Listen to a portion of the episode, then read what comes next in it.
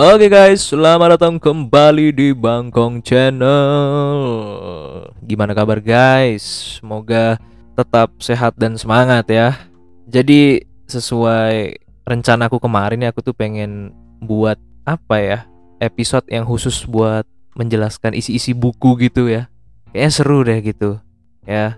Jadi ini ada salah satu buku yang baru selesai ku baca judulnya The Psychology Psychology The Psychology of Money The Psychology of Money karya Morgan Housel gitu. Jadi aku pengen membacakan beberapa bab yang menurutku bisa uh, aku ambil pelajaran gitu. Jadi aku bagi ke beberapa episode gitu.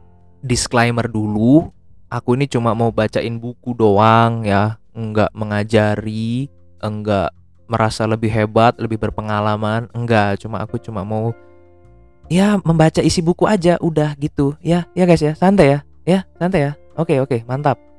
Oke, cerita atau penjelasan buku ini akan kita mulai dari bab 0 ya, bab pengantar. Kenapa aku bacain ini supaya menjadi pertimbangan buat teman-teman mungkin uh, apakah teman-teman tertarik untuk mendengarkan lebih lanjut atau ah merasa ini boring dan tidak penting jadi teman-teman bisa skip gitu. Nah, jadi di bab pengantar ini diawali dengan dua cerita pendek ya yang bisa menjadi perbandingan. Cerita yang pertama itu adalah cerita dari seseorang bernama Ronald James Reed, R E A D atau Ronald Reed. Nah, dia ini adalah orang yang berasal dari Amerika Serikat. Beliau ini sekolahnya itu cuma sampai SMA gitu, hanya lulusan SMA. Nah, kemudian dari sisi apa ya pekerjaan, dia itu pernah bekerja sebagai petugas pengisi BBM dan montir di suatu SPBU di daerah sana di Amerika Serikat gitu ya. Nah, itu selama kurang lebih 25 tahun lah dia menjadi petugas pengisi BBM dan montir. Kemudian setelah itu dia juga pernah bekerja sebagai tukang bersih-bersih di salah satu departemen store. Nama store-nya itu JC Penny, GC Penny. Gimana cara bacanya itu JC Penny, JC Penny. Itu sekitar 17 tahun tuh dia menjadi OB atau tukang bersih-bersih di sana. Kehidupan yang dijalani oleh Ronald James Reed atau Ronald Reed ini terbilang cukup sederhana ya kan karena ya seperti yang kita lihat juga mungkin karena dari pekerjaannya yang biasa-biasa saja, tidak yang wah-wah banget gitu ya. Jadi kehidupannya juga sederhana, dia punya rumah sederhana, gaya hidup sederhana, ya gitulah. Tapi yang menarik adalah pada usia 92 tahun, Reed ini punya total kekayaan harta uang itu sekitar 8 juta dolar.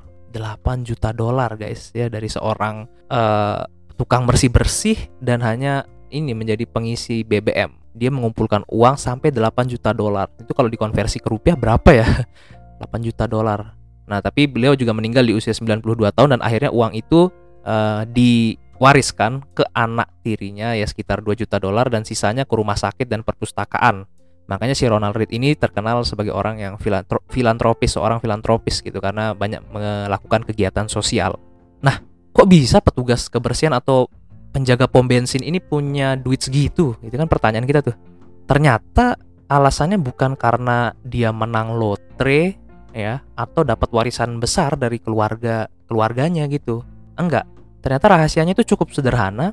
Dia hanya menabung berapapun yang dia bisa tabung dan juga menginvestasikan pendapatannya itu ke saham gitu. Jadi dia mengatur keuangannya untuk ditabung, pokoknya harus dia nabung dan harus ada yang diinvestasikan. Seperti itu.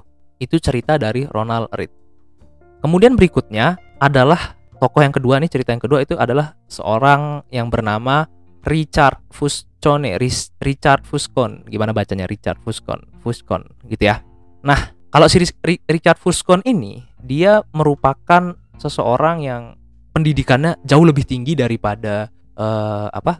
daripada si Ronald Reed ya. Kalau Richard ini Richard Fuscon ini dia lulusan Harvard dan sudah mendapat gelar MBA. Nah, untuk pekerjaannya sendiri si Richard Fuscon ini pernah menjadi eksekutif di salah satu perusahaan manajemen investasi. E, nama perusahaannya itu Merrill Lynch, L Y N C H, Merrill Lynch. Itu ya. Nah, jadi intinya dia di sana itu kan berkarir begitu sukses di bidang keuangan gitu karena pernah menjadi eksekutif di salah satu perusahaan investasi. Nah, tapi si Richard Fuscon ini punya uh, gaya hidup itu yang agak mewah, foya-foya dan menghabiskan banyak uang lah gitu. Sampai suatu ketika si Richard Fuscon ini punya keinginan untuk merenovasi rumah rumahnya. Rumahnya sudah mewah nih, tapi dia mau renovasi ya kan.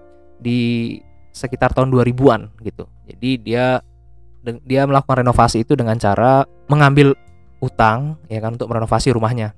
Eh kemudian ndilalah, eh ndilalah apa sih ndilalah tuh? Ya kebetulan ada satu kejadian yang seperti kita ketahui bersama pada tahun 2008 itu terjadi krisis keuangan, krisis finansial.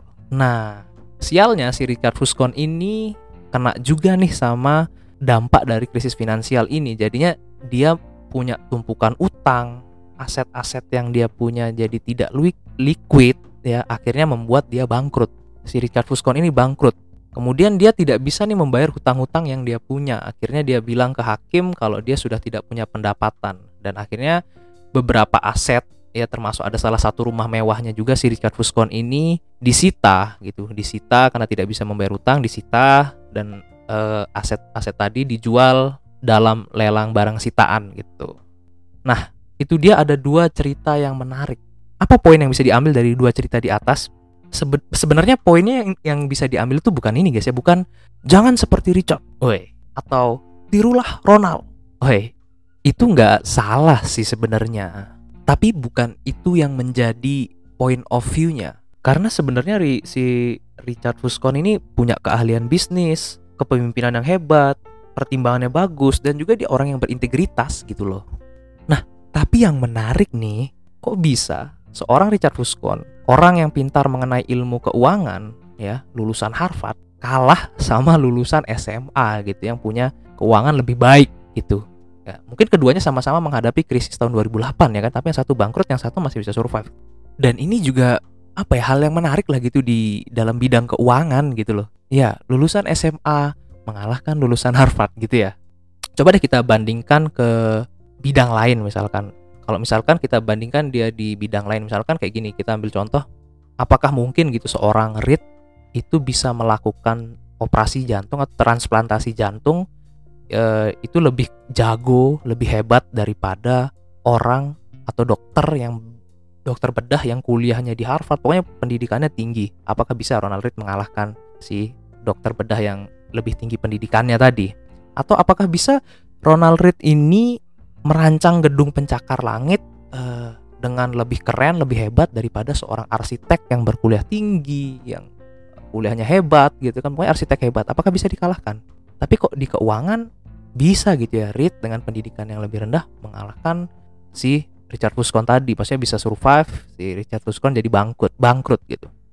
Nah, Morgan Housel di sini menjelaskan gitu ya, uh, kenapa hal tersebut bisa terjadi. Yang pertama alasannya adalah mungkin karena nasib yang satu beruntung gitu kan punya dana cadangan atau apa yang bisa membuat dia survive ya kan ketika krisis bahkan di akhir jadi kaya raya gitu loh atau yang satunya lagi apes gitu karena ya kebetulan persiapannya kurang terus tiba-tiba ada sesuatu e, bencana jadi kena gitu dia jadi bangkrut. Nah penjelasan tentang keuntungan dan apes nih sebenarnya ada bab tersendiri cuma kita kesampingkan dulu kita ceritakan di episode berikutnya lah ya.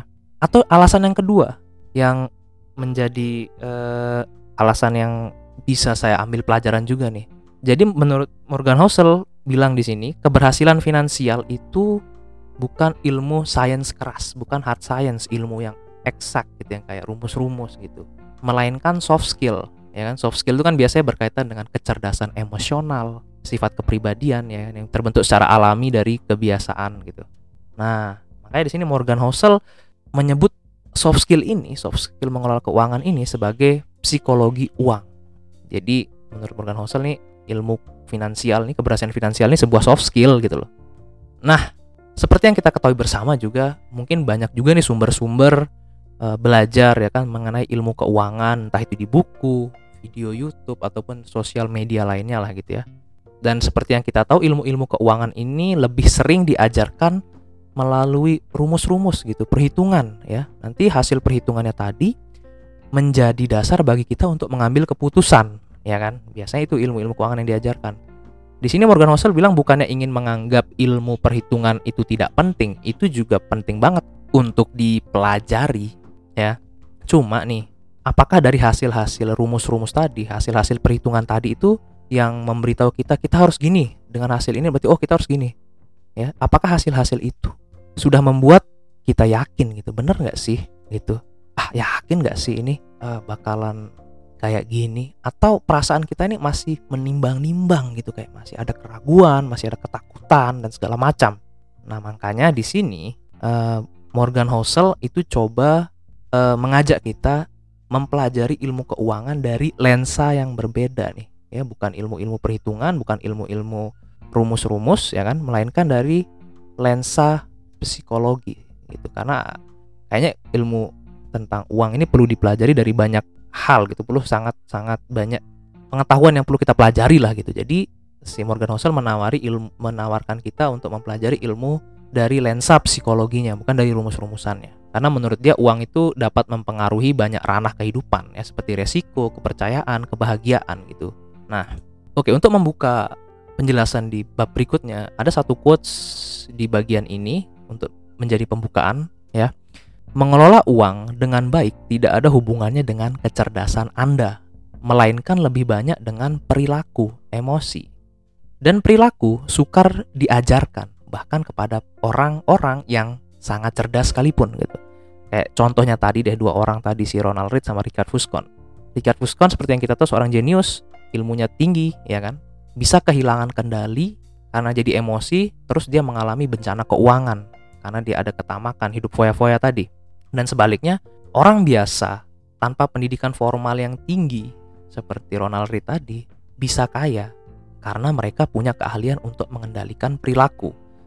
Jadi intinya buku ini akan menjelaskan peran psikologi dalam mengelola dan berperilaku terhadap uang yang tentunya ilmu ini tidak bisa diabaikan.